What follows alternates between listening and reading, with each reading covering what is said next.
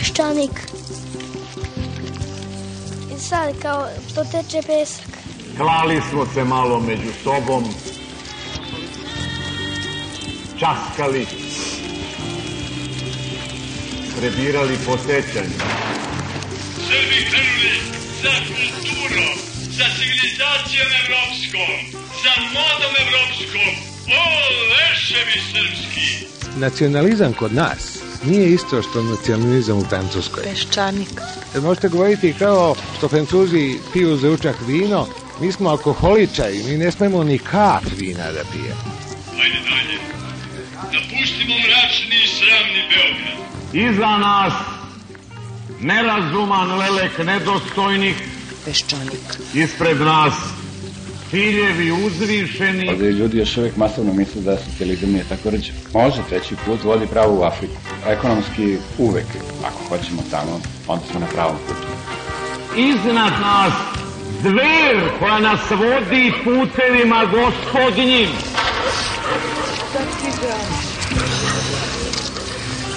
Ne može to tako da ti zamisli. Peščanik. Došli još i premijer i, i Vito Corleone. Mislim, to što će ovaj dode, ne treba nikom mnogo da se nauči na tim. On je loše odigrao, nije umeo da igra, nije, on nije pravi politički borac. I dugo smo, dugo još putovali. Dakle, mi smo izgubili 5. oktobar, da tako kažem. Nepredviđen. Na televiziji vidim da se i rezultat drugog svetskog rata promenio. Ugleda smo u bistroj vodi naša lica. Prema tome, ja očekujem da će Srbija krenuti nešto novo tek kad pobedi Turke na Kosovo. Iznenada briznu smo u plač. Peščanik. Dobar dan. Ovo je bila nova špica, Svetlana i Ratko su je napravili danas. Dva glavna lika su Justin Popović, e, otac Justin Popović ovaj je izdeo besede koje je održao u Manteru Ćelije 66. godine i Voja Brajević koji je govorio pesmu Brane Petrovića. A Ja se sećate da su nedavno DSS-ovci tvrdili da je neko pokušao atentat na Koštunicu, onda ih niko nije ozbiljno shvatio, jer ko će na njega da izvrši politički atentat, kakve veze taj čovek ima sa politikom. Da je makar malo upražnjavao politiku, a ne samo grmeo, tačnije mumlao pravedničkim gnevom, ne bi premijer postao kancelar i vedrio oblačio Srbijom. E sad drugo je pitanje da li je neko pokušao da ubije Đinđića juče ili kako je on to rekao, to je neki e, nesavjesni vozač na autoputu vežbao vožnju. Da li ili nije to pokušaj atentata, nemam pojma, pošto on sve zna, onda da ne razmišljamo mnogo. Sasvim je nebitno što se ispostavilo da je vozač, e, gle čuda, deo famoznog surčinskog klana. Nadimak mu je Bagzi, gospodin Bagzi, kako bi ga s poštovanjem oslovio ministar policije.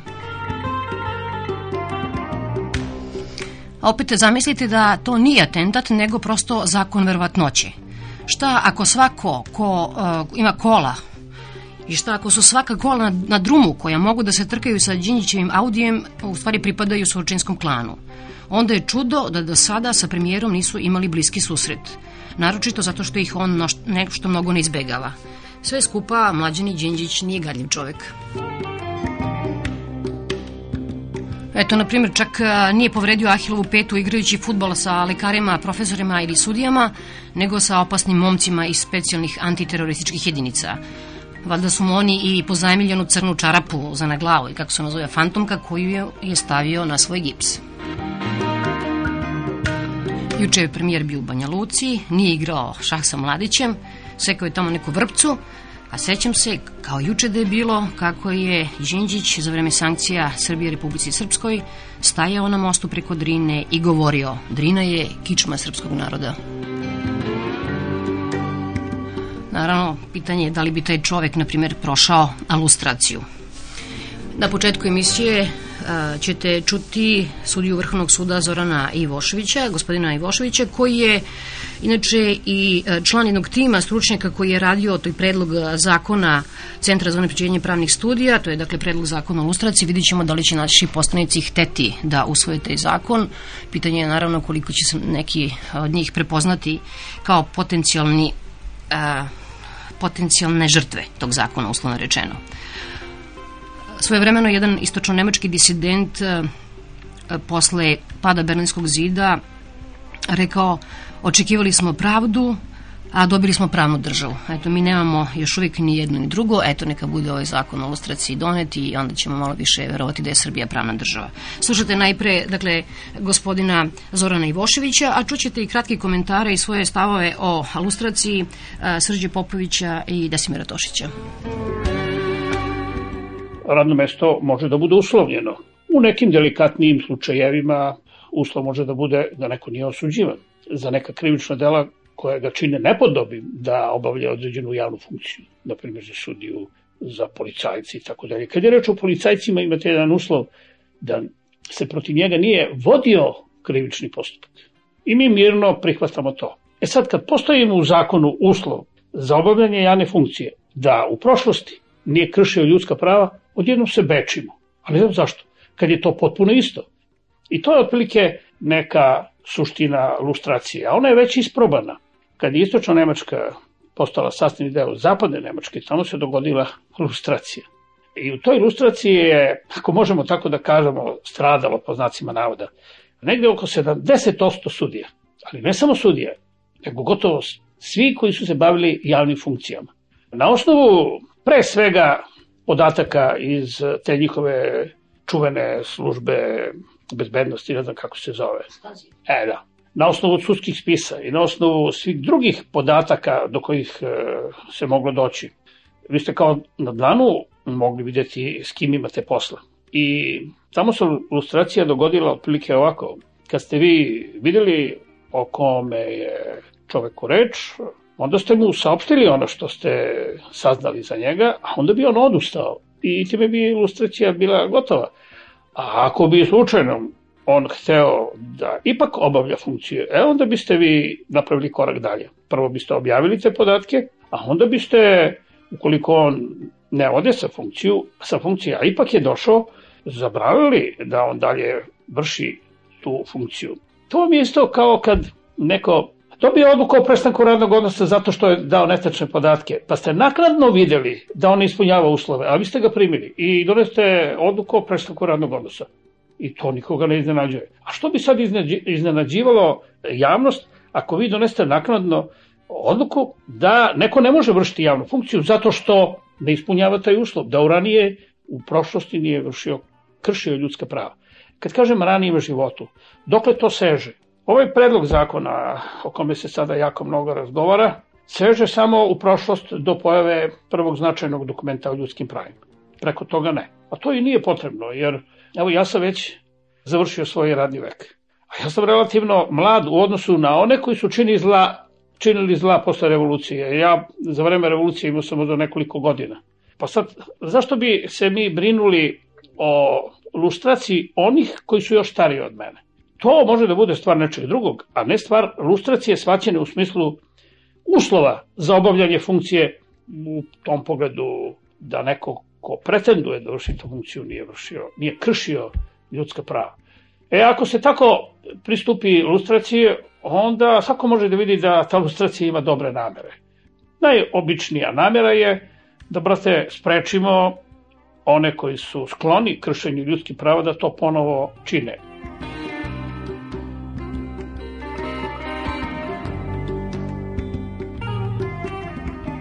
Lustracija je komplikovana stvar.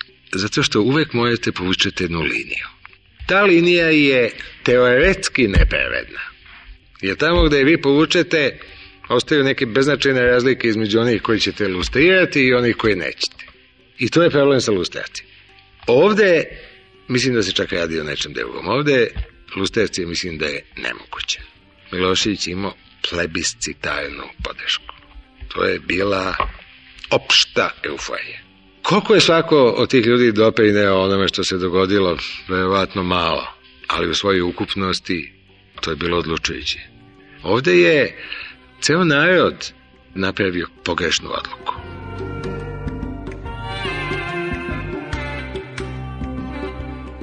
Zakon možete doneti, ali ga sprovesti, ja mislim da je vrlo teško. Nema ljudi. Prepostavite da je MUP sav u korupciji u zločinu i raspustite ga noćas. Koga ćete uvesti u policiju? Pazite, ako vi primenite lustraciju u vladi Republike Srbije, pa neću da kažem pola, ali trećina te mora da putuje. Ja se prašim da mi zakon nećemo kompromitovati, znate. Pošto ne možete da ga izvedete, da ga izvršite, onda on gubi svoju vrednost onda počinju u svesti ljudi da zakoni gube svaku vrednost. A treba obrnuto da bude da zakon utiče na ljude, znate.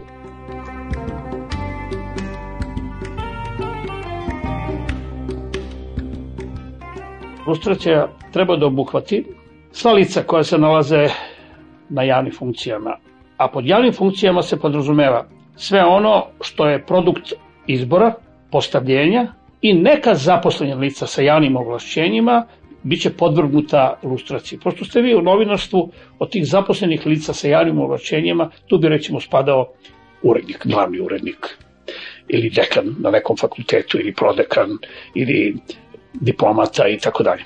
I ko bi to radio? To bi radila jedna komisija. A komisija radi ilustraciju u svim zemljama. Pa sećate se pred dve godine u Poljskoj, čak jedan Lech Valensa je bio podvrgnut procesu lustracije pred jednom komisijom. Postupak lustracije bi bio dvojak. Jedan prethodni, a jedan naknadni. Prethodni bi se odnosio na kandidate za funkciju. Dakle, još u samom zametku, ako neko kandiduje nekoga za javnu funkciju, dužan je da prijavi to kandidata toj komisiji, ne da prijavi u onom smislu da ga denuncira, nego da kaže, gospodo, naš kandidat je taj i taj, vidite njegovu validnost. E, onda bi ta komisija ispitivala validnost tog kandidata na isti način kako se to radi i u zemljama tranzicije, dosije i sudski spisi, isprave i tako dalje i tako dalje. I to bi se radilo u diskreciji. I sad kad vi njemu kažete, gospodine, to je vaša privatnost, ali vi imate pretenziju da se bavite javnom funkcijom. Mi moramo da vam saopštimo da ste vi u vašoj prošlosti imali grehove u kršenju ljudskih prava. Iako bi to lice reklo da, imao sam ih, ja odustajem od kandidature, ilustracija bi bila gotova. Ali ako bi neko bio uporan, ostao na funkciji, e, onda bi se dogodila ta naknadna lustracija. A ta naknadna lustracija bi bila i u slučaju kad on neko promakne, znate. Ili se već naše, na, nalazi na funkciji pre stupanja na snagu ovog zakona o lustraciji. Onda biste vi vodili taj naknadni postupak. Ali mi preterujemo sa tom lustracijom jer od toga pravimo bavu, znate. I sad ljudi strahuju od toga. Ja neću reći da neki nemaju pravo, upravo nemaju razloga da strahuju. Neka strahuju i treba da strahuju. Pa u sudu još uvek ima onih i u vrhovnom sudu koji su kali na izborima, na primjer. Pa zašto bi bilo strašno da ti ljudi prestanu da budu to što jesu? I njima je pružena šansa da sami odu. I ja moram da vam kažem da ja više ne pominjem nijedno ime od mojih kolega koji su razumeli da treba da odu iz suda. I otišli su. I ja to poštujem. Ali onaj ko nije, a ja znam, i ne ja, nego i javnost, da je kršio ljudska prava, pa neka se plaši. Zašto? I to je normalno.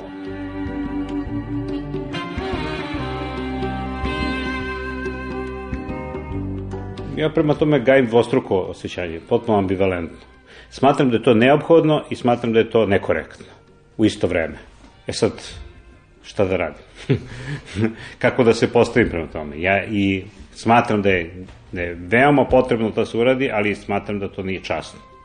Provući će se prvo, masa njih će se provući ovih, da ne govorimo o svojim kolegama koji se već tu predstavljaju kao disidenti i tako dalje, što je smešno, do ovih najvažnijih oni će se provući. Jel? A ostaće tu da, da budu okuženi i označeni žutom trakom raznorazni ljudi koji jesu bili e, upravnici Narodne biblioteke ili, ili autobuske stanice Ljeg, ali mislim pritom stvarno nisu predstavljali niš, nikakvu polugu vlasti. A s druge strane stvarno je da bismo se rastavili od, od tog bivšeg režima, to bi bilo jako, to je tako jedna drastična stvar, kao neka amputacija, vrlo, vrlo bitna. Mislim da, da ako je stvar došla gangrenozna do tog stanja da mora da se amputira nešto, onda amputiraj pa, mislim, evo ja sam na štakama pa mi ništa ne fali.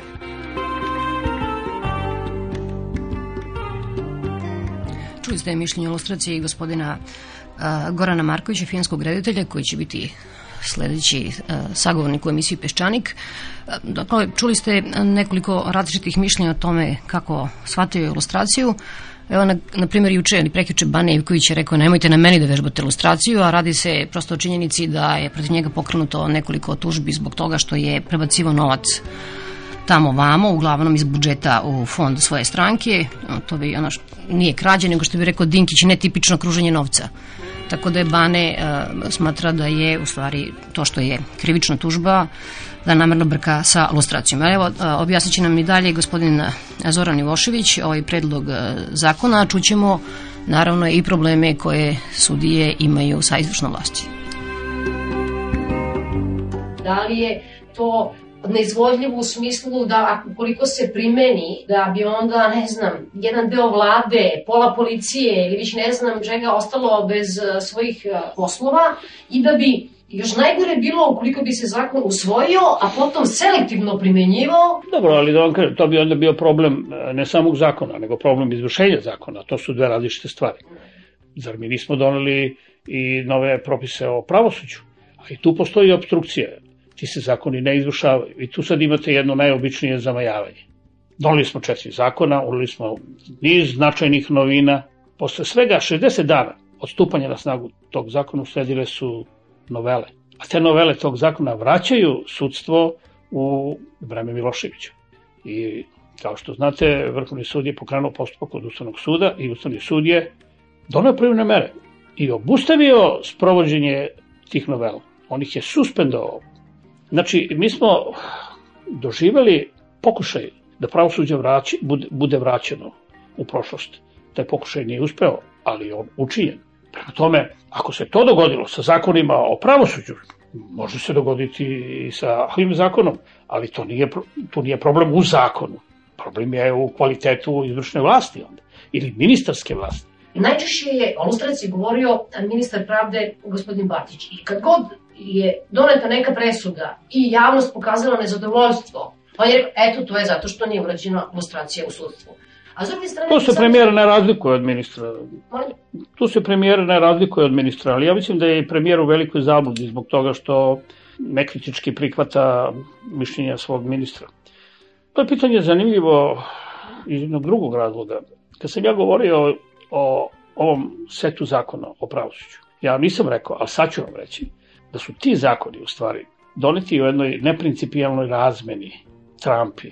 Ja tebi zakon o radu, ti meni set zakona o pravosuđu. I kad je zakon o radu usvojen, onda su usvojeni i e, zakoni o pravosuđu po projektu DSS. Ali ja bih hteo da kažem i ovo, da gospodin Batić snosi veliku odgovornost što lustracije nema u propisima o pravosuđu.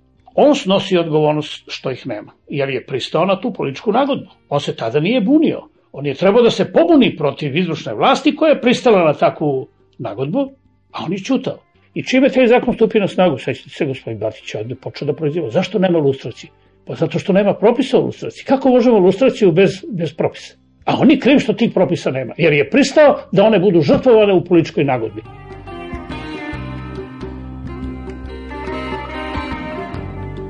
Malo pre ste rekli da i sam premijer se mnogo ne razlikuje od, od predsednika vlade. Na čemu? Znate u čemu? U pogledu priča o sudstvu i pritisaka na sud. Pa da se ne sjećate kad je gospodin premijer poslao one odluke Vrhovnog suda Srbije u upravnom sporu o Astra Banci i ekstra profitu rekao da postoji neki lobi koji kupuje presude u ovoj zemlji. Dva dana ili dan posle presude Vrhovnog suda Srbije. I ja sam reagovao vrlo oštro na tu izjavu i prilike rekao gospodine Đinjiću, imate li vi dokaze u tom smislu? Ako ih imate, to je velika sramota za sud, ali ako ih nemate, onda je to velika sramota za vas. Ne možete vi tako da govorite o Vrhovnom sudu i o svakom sudu. Vrhovni sud se bavi prodajom svojih presuda za novac. Pa ima li veći pritisak od toga? Ja mislim da nema, znate. Ja sam o tome više puta pisao. Moramo poštovati sudsku vlast, bez obzira kakva je, ali mi bolju nemamo. Kao što nemamo bolji parlament, kao što nemamo bolju vladu. I ako bismo posle svake odluke sa kojom nismo zadovoljni drvlje i kamenje na, na taj sud, pogotovo ako je to prvostepena odluka, onda mi sami e, sečemo stablo na kome sedimo. Znate, evo sad je doneta ona presuda prvostepena, ja neću o njoj da govorim zato što je prvostepena presuda. Biće žalba, vrhovni sud će o njoj da, da odlučuje, pa o presudi i Brska magistrala. Ali dajte da vidimo kako će biti pravosnažna presuda, pa onda možemo da kritikujemo. A nemojte da kritikujemo prvostepenu presudu. Pa zato postoji dva stepena, znači, pa i tri stepena ponekad. Kod ubistva imate tri stepena. Pa prema tome, sačekajte malo, pa ćemo onda vidjeti. te izjave su ili neposredno pre, ili neposredno posle suđenja. Pa zar se ne sjećate šta se desilo gospodinu Grubaču? Gospodin Grubač je predsjednik Ustavnog suda, ono koji više ne postoji u federaciji. Pa su i oni doneli neku odluku sa kojom izvršna vlast nije bila zadovoljna i onda su nagrdili tog predsjednika tog Ustavnog suda. Jer je profesor pravnog fakulteta u Novom Sadu, prestao da bude profesor kad je postao sudija u predsjednik Ustavnog suda, ali je održao neke časove na Novosadskom e, pravnom fakultetu e, i dobio honorar za te časove. A oni su proglasili gospodina Grubača da je izvršio krivično delo. Gospodin Đinđić, on zapravo i ne razlikuje krivičnu prijavu od pokretanja krivičnog postupka. A usuđuje se da sudi jednom predsjedniku Ustavnog suda. Jer on kaže on je učinio krivično delo. Sećate kad ga je pozivao da da ostavku zato što je učinio krivično delo. E, zato ja kažem, kad bi gospodin Đinđić imao pored sebe neko ko bi mu rekao, čujte, pa ne možete vi tako govoriti, on to ne bi uradio. Ali on ne zna šta može, a šta ne može. Đinđić je rekao isto i ovo. To je bilo početkom leta prošle godine. Kad je izvršna vlast ispostavila sudu svoje viđenje reforme sa nekim rokovima, sa nekim nalozima. Sećate se kad se sudstvo pobunilo. Znači. E tad je gospodin Điđić uputio sudije na Mars. Otprilike je rekao, oni koji govore o nezavisnosti, neka to pričaju na Marsu. A njemu narod govori da se krivične prive podnose suda, a sud ne reaguje. A krivične se prive uopšte ne podnose sudu, podnose se policiji. A ja sam rekao da mu je Batić to objasnio, on ne bi dao izjavu kao da je pao s Marsa. Ako on nas šalje na Mars, ja ću da ga spustim na zemlju onda. Celo vreme, dve godine mi se zamajavamo sa pravosuđem. Oni su prvo napravili jedan korak, dobar, pa je trebalo malo da ga poprave. Oni onda vrate sve natrag i onda Ustavni sud kaže, gospodo, ne može tako. A što zašto su oni to uradili? Da bi imali kontrolu nad sudstvom? Pa naravno, naravno. Ako oni zabranjuju predsjednicima sudova da sude, ako im postavljaju poseban režim imenovanja i razrešenja, onda ti predsjednici sudova treba da budu produžena ruka te izvršne vlasti. Oni valjda računaju da predsjednici sudova kontrolišu sudije, a pošto oni kontrolišu predsjednike, onda će biti ok. To je već viđeno, znate, to je ono iz Miloševićevog vremena. I sva sreća, evo, Ustavni sudije pokazuju da je na visini svog zadatka i rekao je, gospodo, to tako ne može.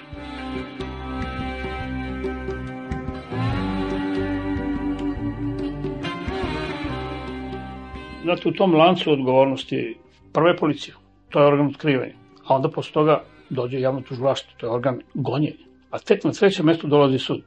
Sud ne može da sudi ako nema optužnice. U tom nizu, ja bih rekao da je odgovornost suda najmanja, naravno i sud je odgovoran, i u sudu postoje mnogi predmeti koji neobično dugo stoje i tako dalje. Jedan od tih predmeta je i ta Ibarska magistrala. Ali sve to na neki način e, se svaljuje na sud nekako to se najbolje prima u javnosti. Gospodja Vida Petrović Škero je čak i navela koji su predmeti kod okružnog suda u Beogradu, koji su predmeti kod javnog tužioca, a koji predmeti uopšte nisu ni kod javnog tužioca ni u sudu. Ali gospođa Vida Petrović Škero, kao što znate, više nije predsjednik tog suda. Ona je prosto izgurana iz tog suda. Jeste ona sad sudija Vrhovnog suda Srbije.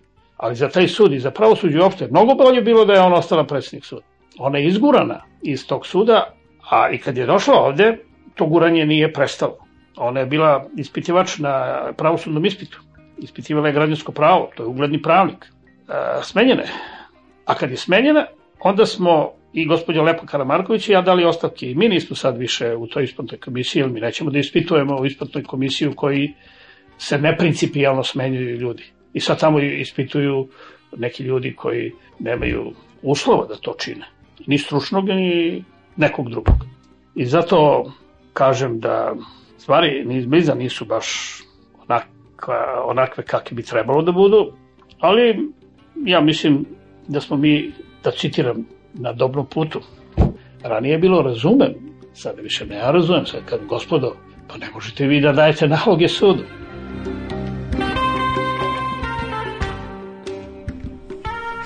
Bio je ovo sudija Vrhovnog suda Srbije, gospodin Zoran Ivošević, nije mogo mnogo da prokomentariše o bekstvo bivšeg direktora RTS-a Milanovića, pošto kaže gospodin Ivošević da krivično pravo ne poznaje, prosto to nije njegov fah.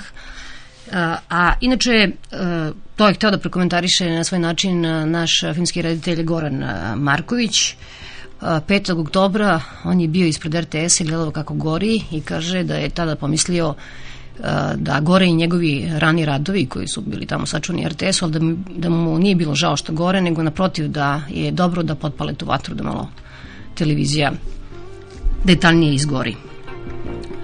Evo, počet ćemo, dakle, čuli ste ga malo čas je komentarisao o lustraciju, a sada počinjemo od Milanovića. Mislim da je dobro ovo što se desilo. Možda bi neko mogao da kaže, eto, nije dokazana njegova krivica i on čovjek trune u zatvoru. Mogu je da postane čak i neka vrsta junaka. Ovako se prikazao kao hulja i kao najobičniji pacov, što reče jedna od, od majke žrtava. Prema tome, njemu je gore ovako. Ja mislim da, ja da sam Milanović, ja bi išao u zatvor. Seo da bi u zatvoru i čitao bih ili bih, ili bih pisao nešto ili bih jednostavno ispaštao. A ovako, krijući se i bežeći po svetu, on, on će propatiti mnogo više nego u Zabeli, po mom mišljenju. Tu se naravno postavlja pitanje da li on, takvi ljudi uopšte mogu da pate, jel?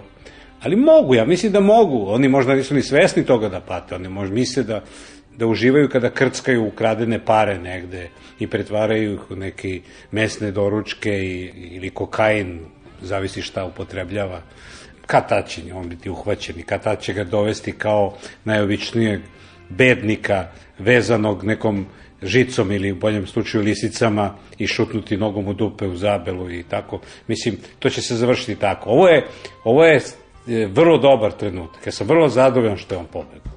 Vrlo sam zadovoljan što je on pobegao i što je na jedan način ispričao priču o tome ko smo mi i kakva je naš, naš stanje u našem društvu, kako funkcioniše pravosuđe, policija i tako dalje. A na drugoj strani za njega je vrlo važno da se vidi ko je taj čovek i šta je. On se najzad... Takav čovek je mogao da uradi to zašto su ga optuživali. Na stranu druga, druga strana medalje, što ja mislim lično da, da je on, on onda kada je dobio batine 5. oktobra, da je on dobio ne samo za sebe batine Boga mi, on je iza Vučelića prilično primio batina, onaj, vidim sad sedi tamo, ponovo se uvalio u SPS i pravi se da je normalan. Šta je, u čemu se radi, ja sam, ja sam sa svim ispravan čovek, pogledajte me kako sam, kako sam energičan, kako sam baja, pritom je to tri puta veća hulja nego Milano. I on krcka takođe milione. On će možda da donese neke pare kako je neka koja je njegova firma to zaradila prodajući hula hop čarape negde. Ali to svi znamo da nije istina. I svi znamo da je on se obogatio onda kada smo svi imali šest maraka platu. I onaj bes narodni koji se iskali onako surovo na Milanoviću je u stvari usmeren bio i dobrim delom ka njemu. O Milanović je primio, boga mi, batine i za, za Milorada. Tako da sad cela ova stvar oko bekstva Milanovića govori samo o tome da je on poturen tu kao neka krpa da između ostalog i prima batine, da ide u zatvor i tako dalje, a da su ostali vukli te poteze. Pa nije mogao Milanović sam da, da odluči da se žrtvuje televizija i ljudi u njoj. To je morao najviši, najuži deo vlasti da reši. On je samo imao da izvrši to. Ja mislim da je, da je da on e, na neki način misli verovatno da ima pravo da beži. Hoće da kaže, znate šta, pa vi ste mene gurnili, to ja sam samo izvršavao vaša naređenja, I sada ja da idem u zatvor, a ti Milorade da se tamo šepuriš ili ti Miloševiću tamo da izigravaš nekog užasnog heroja u Hagu, mislim, to je, to je sve stvarno besmisleno. Tako da, ceo taj kontekst zbivanja oko Milanovića, mislim da je, da je dosta, govori sam za sebe. Poruku ima jednu vrlo jasnu. Ne treba se zgražati nad Vučelićem. Treba se zgražati nad nama. Mi to gledamo Niko ništa ne radi. To mi jednom podsjeća na jednoga, u Budvi sam se upoznao sa jednim tamo prodavcem, neki prodavao neki ženski donji veš. Bio je stvari neki Beovac stari, koji je proveo 8 godina na, na Golom otoku. I sedi on tamo između onih Brusfeltera i Gaća i ja nešto svratio na kafu kod njega. Kad prolazi glavnom Budvanskom ulicom jedan poznati zlikovac sa Golog otoka koji ih je sve tamo zlostavljao, ubijao i tako dalje. I on ga pogleda i ja kažem, pa ti znaš ko je ovaj čovjek? Kažem, kako da ne znam. Pa kažem, zašto ne izađeš napolje da ga udariš nekim nečim, kamenom ili, ili da ga pljuneš makar? On me gleda kao idiota, da sam normalan. Pa zašto bi on to radio? Pa kažem, pa čekaj, te taj muču? Pa jeste. Pa zašto nešto ne uradiš? Kako, ne razume pitanje čovjek. Tako da to žrtva i dželat i te stvari, to je, to je obostrana priča. Kao što je poznato, svaka žrtva hrli ka svome dželatu, prema tome i mi smo se podmetali pod te ljude. Ne mogu da kažem, vrlo mali broj ljudi je bio nespreman da to trpi. Jako mnogo ljudi koji su stvarno iskreno patili, kojima je bilo teško, su jednostavno savijali glavu i trpeli. I oni sada i ne osjećaju potrebu da, da, da ukažu prstom da ih je neko zlostavljao. Pa jednostavno tako, eto, mi smo se mučili, pa to je sad prošlo i sad valjda nećemo, ali izgleda da hoćemo.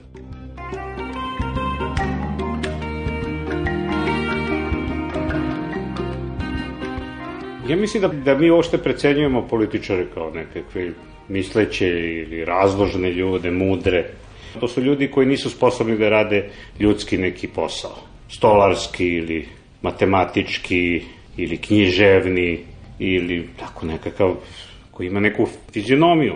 To su ljudi koji jednostavno ne mogu ništa ljudski da rade, pa onda su se malo uh, utvrdili da postoji oblast u ovim krajevima gde ne moraš uopšte da imaš ni, ni znanja, ni morala, ni, ni, ni osjećanja. Jednostavno možeš da budeš tako jedna provizori ljudski i da imaš uspeh da pače što više si ispražnjen od tih nepotrebnih uh, atributa, to si bolji. Možda ima tu i tamo izuzetaka. Recimo tu i tamo, stvarno moram da kažem, meni je lično recimo simpatičan ovaj Svilanović. Čovek je simpatičan, ali ostali, pa ne mogu stvarno da nabrojim još dvoje, troje da su, da, da, da bi mogao, da me ne bi bilo sramota da sednem u kafanu sa njim. Ja sam Havela poznavao još dok je bio pripiti anarhista u Vjetnamki. On je bio potpuno druga osoba i bio je odličan pisac. Ali čim je postao političar, on je izgubio taj neki ljudski, ljudski lik. Svi koji su ga posle viđali, a znam nekoliko ljudi koji su ga često viđali, su, su bili vrlo razočarani. Njega je politika srozala. Tako da je to jedan prljav posao, drti job.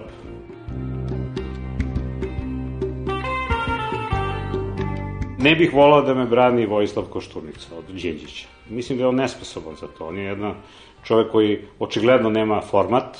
To je tako jedan unjkavi, dosadnjikavi političar koji svira na jednu žicu. I to, to je moralo da, da dovede do, do njegovog poraza. Ja bih strašno volao kada, kada bi se pojavio jedan čovek koji ima nek, ne, neki format koji bi mogao da se suprostavi Đinđiću. Njegovo ime i prezime sigurno ne znamo u ovom trenutku ne, nije to neko ko bi iz ovih redova mogo da vaskrsne kao častan, pametan čovek koji može da lupi rukom o stoji, kaže dosta čoveče ovakvog života, da je probamo malo da mislimo ljudima. Tako da nam ostaje da živimo sa, ako vi kažete da je to vlast Zorana Đinđića ili već kako li bi to mogli da krstimo, neka oligarhija tih nekih e, tehnokrata, finansijskih e, mahjera ili, ili Ne znam, znate. Naravno, svi, svi govore isto, to je već smešno kako, kako epigoni imitiraju svoje uzore, svi govore kao Zoran Đinđić, čak i po načinu oblačenja, čak i po načinu kako se šišaju. Oni su fizički prepoznatljivi, kao što su nekada DB-ovci nosili crne mantile, tako i ovi nose neke Pierre Cardin kombinacije koje su užasno prepoznatljive. Nema, nema među njima individualnosti uopšte, znate po modelima automobila ili po tome kako ulaze, sa koliko pratnje ulaze da se kupaju u bazenu, znate, možete utvrditi zapravo koja je to vrsta ljudi. Ne znam ko mi je to rekao, baš za tog Svilanović, možda mi je zato simpatičan, rekao mi je, jedan od političara mi je rekao, zamisli taj kreten uopšte nema bodyguard, ide ulicom sam. Hoće da kaže kako on lud, a meni se baš to sviđa, mislim, to, možda ima šansu da sretne nekog običnog čoveka i da s njim časka dok, dok mu se dete igra u pesku.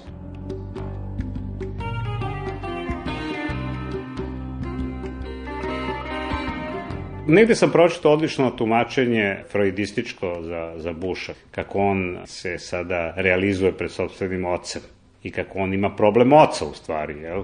Autoriteta kog mora da pobedi, kako je, kako je ta cela stvar sa Irakom u stvari pokazivanje ocu da i on može da bude veliki dečko, da i on više ne piški u gaće, nego da je odrastao. Moguće da je, da je, to, da je tu ima nečega, ali opet, kad ja ne mogu, ja ne mogu ni Šešelja koji govori srpski da tumačim, gde ću da tumačim Buša koji govori engleski, koji ja očajno poznajem. Prema tome ne znam, pravo da kažem, drugo ti Amerikanci, oni su mnogo drugačiji od nas, oni su posebna planeta.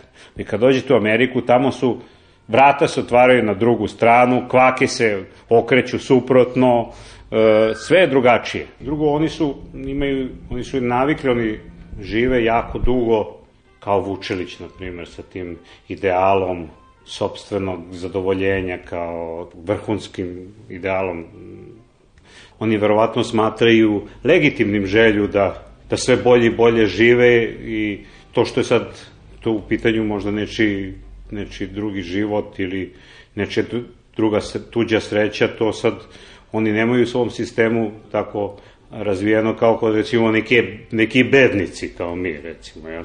Kad, je, kad je bilo ovo bombardovanje, pa izbeglice neke dolaze, sa Kosova baš naši, i sad intervjuišu na RTS-u, tako, da intervjuišu ih kako im je. Retoričko pitanje, je vam grozno što, što ste uništeni tamo i što, što, što vam je sve uništeno i tako dalje. A jedna žena kaže, Pa jeste, samo nama nije tako teško kao nekim komšijama, oni su mnogo imali, a mi nismo imali ništa, tako da sad nama je mnogo manje grozno nego ovima što su imali. znači ona smatra to što su bednici bili i pre bombardovanja, da je to jednostavno prednost u stvari nad, nad onima koji su izgubili sve zbog bombardovanja. Ja? Tako da ne znam, mi smo različiti sistem, ova planeta ni, nema globalni neki, neki psihologiju ili globalni način mišljenja. Mislim da, da se to razlikuje jako mnogo i da ono što je u, u sistemu vrednosti ovde dobro, tamo negde loše, ovde što čega se mi grozimo, tamo negde nešto za pohvalu. Tako da, kako da čovjek razume sve to? Ne možemo, e, globalno ne možemo ništa shvatiti, jer samo lokalno, ja mislim. Bio je filmski reditelj Goran Marković, premijera njegovog poslednjeg filma Kordon je za desetak dana. A mi ostajemo na temi Amerike. Govorit će Ivan Milenković, čiji tekst otvara poslednji broj časopisa Nova srpska politička misao. Čitav broj posvećen je 11. septembru. Svetlana će vam pročitati delove najzanimljivih tekstova. Najprej slušate filozofa Ivana Milenkovića. Karl Schmitt je smatrao da je evropsko ratno pravo jedno od najvećih civilizacijskih dostignuća. Zašto? Pa zato što ukoliko imamo jedan ratni sukob koji je na neki način ograničen nekakvim normama, nekakvim pravilima, taj rat nikada neće biti baš rat do istrebljenja. Imamo neke norme koji će se zaraćene strane držati. Ovim napadom od 11. septembra pokazalo se zapravo da nikakve norme više ne važe. Dakle, ako je neprijatelj konstitutivan za moje političko biće, prema Karlu Šmitu, onda je Sovjetski savez bio taj idealni neprijatelj. Dakle, neprijatelj jake subjektivnosti, neprijatelj koji može da mi bude, koji je dostojan mene. I tu nema nikakvih problema. Dok imamo s jedne strane tog zlog neprijatelja, nema nikakvih problema da se mi konstituišemo kao dobri. Međutim, Sovjetski savez je pao, Amerika je krenula u potragu za idealnim neprijateljem, nije ga mogla naći i najednom se pojavio terorizam. Na izgled savršeno. Sjajno. Dakle, neprijatelj protiv kojeg ja mogu da angažujem čitavu moju, čitavu moju političku, ratnu, ideološku mašineriju i na taj način povratno da konstituišem sebe kao političko biće, kao političku tvorovinu. Međutim, tu nastaju problemi. Jer šta je terorizam? Terorizam ne podrazumeva nikakva pravila igre. Pravila igre nema. Terorizam menja pravila igre, pri čemu on sam se ne drži sobstvenih pravila igre. I to je ono što ga zapravo čini neuhvatljivim. Nemamo pojma ko je neprijatelj neke terorističke organizacije mogu da udare bilo kada, bilo na koga, bilo zbog čega. S obzirom da ja pred sobom imam samo jednu sablast, ja mogu tumačiti kako god hoću. Ta sablast može biti dobra sablast, može biti dobri kućni duh, a može biti, boga mi, i avet koja me noću budi, plaši, koja mi smera svašta, koja se može poistovetiti sa čime god hoćete, sa đavolom. Zašto da ne? Čak i takvih reči bilo, ne znam, biladenje, đavo, demon. S obzirom da je pojam terorizma neodrediv, s obzirom da je tako fluidan, Dakle, mi možemo raditi sa njim šta god hoćemo. I naravno, to jeste upravo ono što imperija zloupotrebljava. E, na konto toga, što je taj pojam neodrediv, možemo teroristima proglasiti kogo god hoćemo. Baba Višnju možemo da proglasimo teroristom i s obzirom da je ona terorista, sve je dozvoljeno u borbi protiv terorizma. Pogledamo napad na Afganistan. Krećemo u borbu protiv Talibana koji štite teroriste. Dakle, već imamo jedno malo pomeranje. Talibani, ma kakvi da su, a užasni su, srušili su bude u Bamijanu. Pazite, to je, to je zločin. Plakao sam, bukvalno sam plakao i to je sjajno što su ih, što su ih zbrisali, ali to je, kako bih rekao, kolateralni učinak borbe protiv terorizma. I to je to što ostavlja pomalo gorak ukus kada su u pitanju ovakve američke akcije. Pazite, Amerika je zemlja bez ikakve sumnje. Demokratska, dakle zemlja koja gaji nekakve ključne vrednosti za ovu našu današnju civilizaciju. I mislim da je to veoma, veoma teško dovesti u sumnju. Međutim, ako se sada te vrednosti tako proizvoljno stavljaju kao politički ulog nedovoljno promišljenih akcija, same te vrednosti dolaze u pitanje. Same te vrednosti upadaju u krizu. I protivnici Amerike zapravo Americi zameruju to što ona spočitava drugim. Dolazi se do toga da Amerika postaje zapravo terorista broj jedan u svetu. Naravno, ja mislim da je to strahovito svedeno. Noam Chomsky će naravno reći, pa da, Amerika je glavni terorista. Iz njega to nema nikakve sumnje. Paul Virilio. Sarajevski atentat je bio inicijalna kapisla Prvog svetskog rata, a atentat u Njujorku je isto toliko značajan pošto markira početak prvog rata u procesu globalizacije. Ali okolnost da jedna strana raspolaže komandosima kamikazama uvodi novu dimenziju u konflikt koji ima odlike građanskog rata. Ona u ovaj rat svih protiv svih uvodi dimenziju koja ga čini takvim da se može uporediti sa atomskim ratom. Ukoliko se pusti na volju terorističkom ekstremizmu, onda nas čeka apokalipsa, pa i atomska apokalipsa. Mora se izbeći veliki verski rat. U suprotnom smo izgubljeni i ulazimo u doba vojne anarhije. S obzirom na ratni materijal kojim se raspolaže na globalnoj ravni, smatram da je vojna anarhija nešto nezamislivo i strašno. Mi možemo reći, pa dobro, zašto bi se to bilo strašno? Ako mi gubimo naš tradicionalni subjektivitet. Identitet nas samih sa nama samima. Identiterne priče su zapravo priča o naciji, priča o suverenitetu.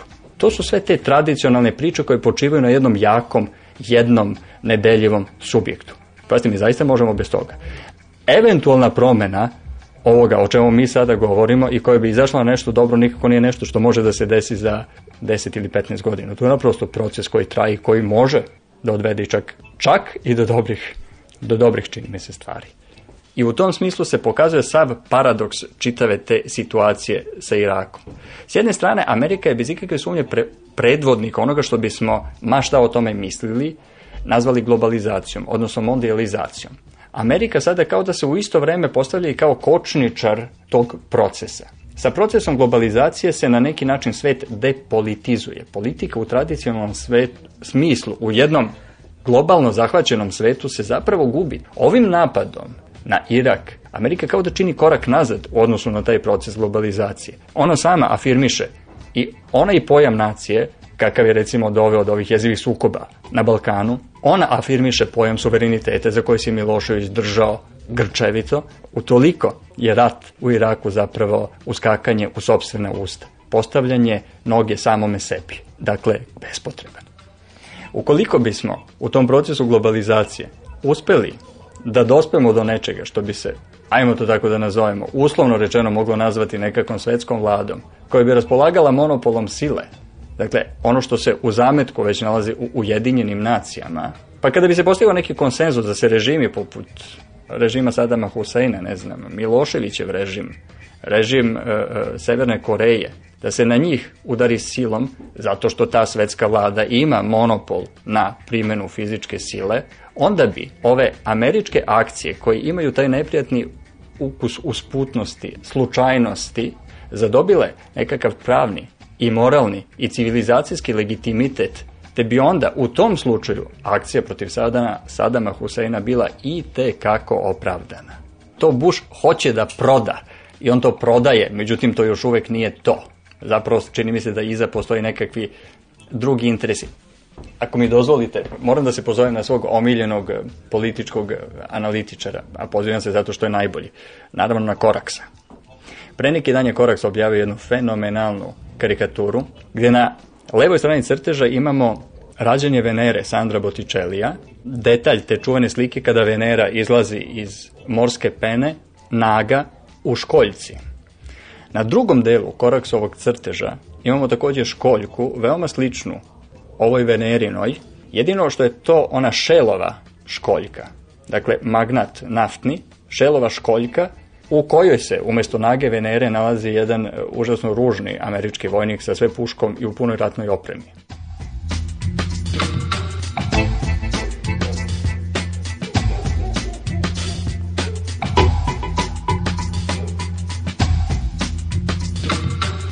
Michael Ignjatijev.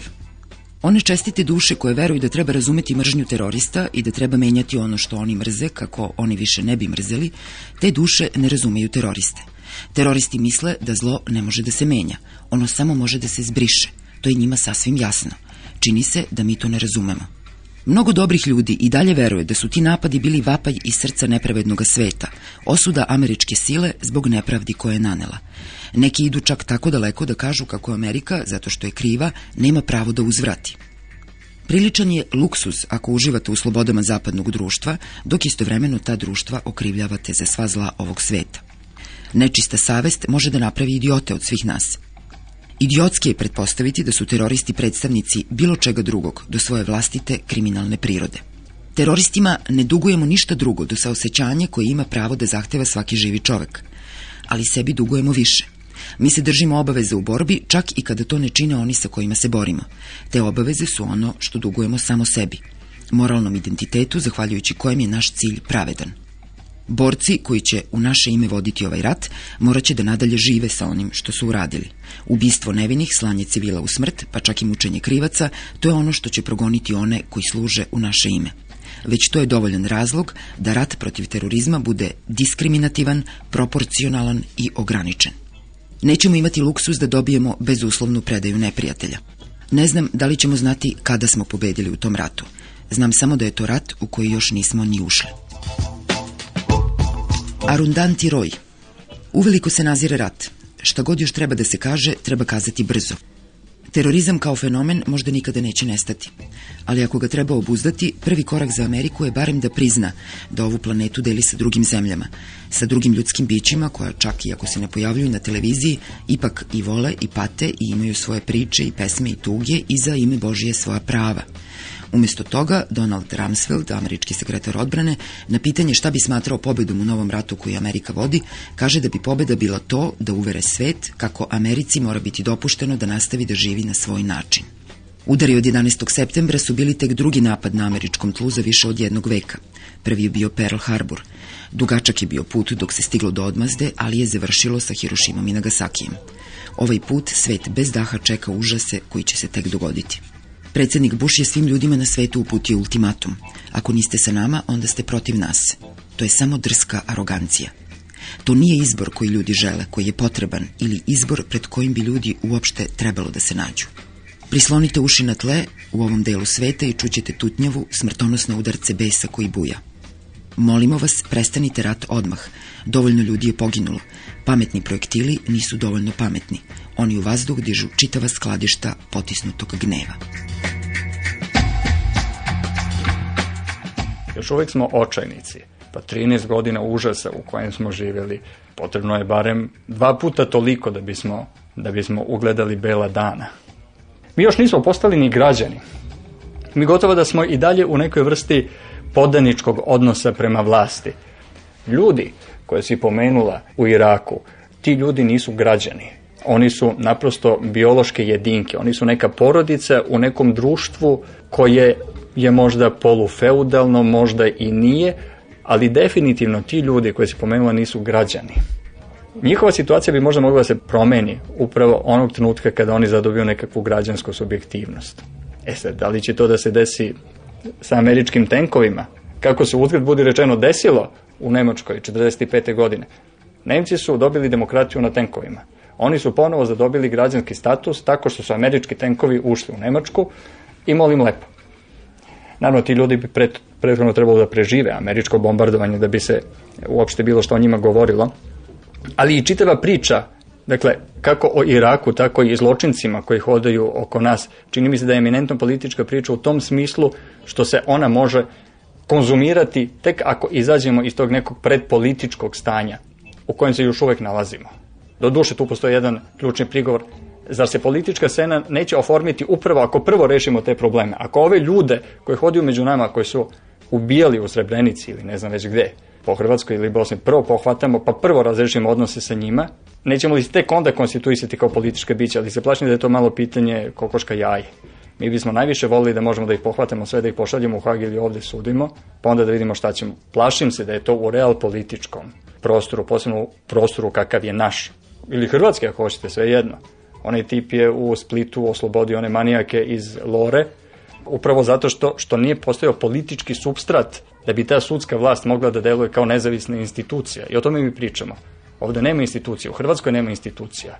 A bez tih institucija i čitava ova priča čini mi se da gubi na snazi. U knjizi Sila zakona Derrida je govorio o odnosu između pravde s jedne i prava sa druge strane i u osnov tog odnosa zapravo je smestio razmišljanje o sili. I tu izgovorio jednu rečenicu koja je kao da je urezana u mermer.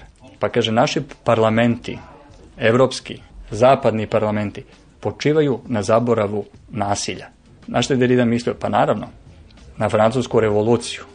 Koliko je tu litera krvi isteklo da bi se stvorio zapravo parlament u onom obliku kakvog ga mi danas poznajemo. Dakle, do građana se došlo preko krvi do kolena, što nikog ne treba shvatiti kao neku preporuku kako se dotle dolazi. Slavoj Žižek Setimo se procese raspada političkih režima, recimo komunističkih režima u Istočnoj Evropi 90. godina. U jednom trenutku ljudi su iznenada postali svesni da je igra gotova i da su komunisti izgubili. Prekid je bio čisto simbolički, u stvarnosti se nije ništa promenilo, a ipak je od tog trenutka konačni pad režima bio samo još pitanje dana. Šta bi bilo da se 11. septembra zaista dogodilo nešto što bi se s tim moglo uporediti? Amerika će ili ostati na duboko nemoralnom stavu, zašto da se to nama događa, ovde se takve stvari ne događaju, i još ga pojačati što će dovesti do paranoidnog ponašanja, ili će Amerika konačno riskirati da napravi korak kroz fantazmatsku zavesu koja je deli od spoljašnjeg sveta, prihvatit će da je prispela u realan svet i napravit će mnogo zakasnelih koraka od ovako nešto ovde ne sme da se dogodi do ovako nešto nigde ne sme da se dogodi. Američki odmor od istorije je bila prevara. Američki mir je kupljen katastrofama na drugim mestima. Tokom izborne kampanje predsednik Bush je rekao da je Isus Hrist najvažnija osoba u njegovom životu. Sada ima jedinstvenu šansu da dokaže da je ozbiljno mislio. Za njega, kao i za sve Amerikance, voli bližnjeg svog danas znači voli muslimane ili ne znači baš ništa.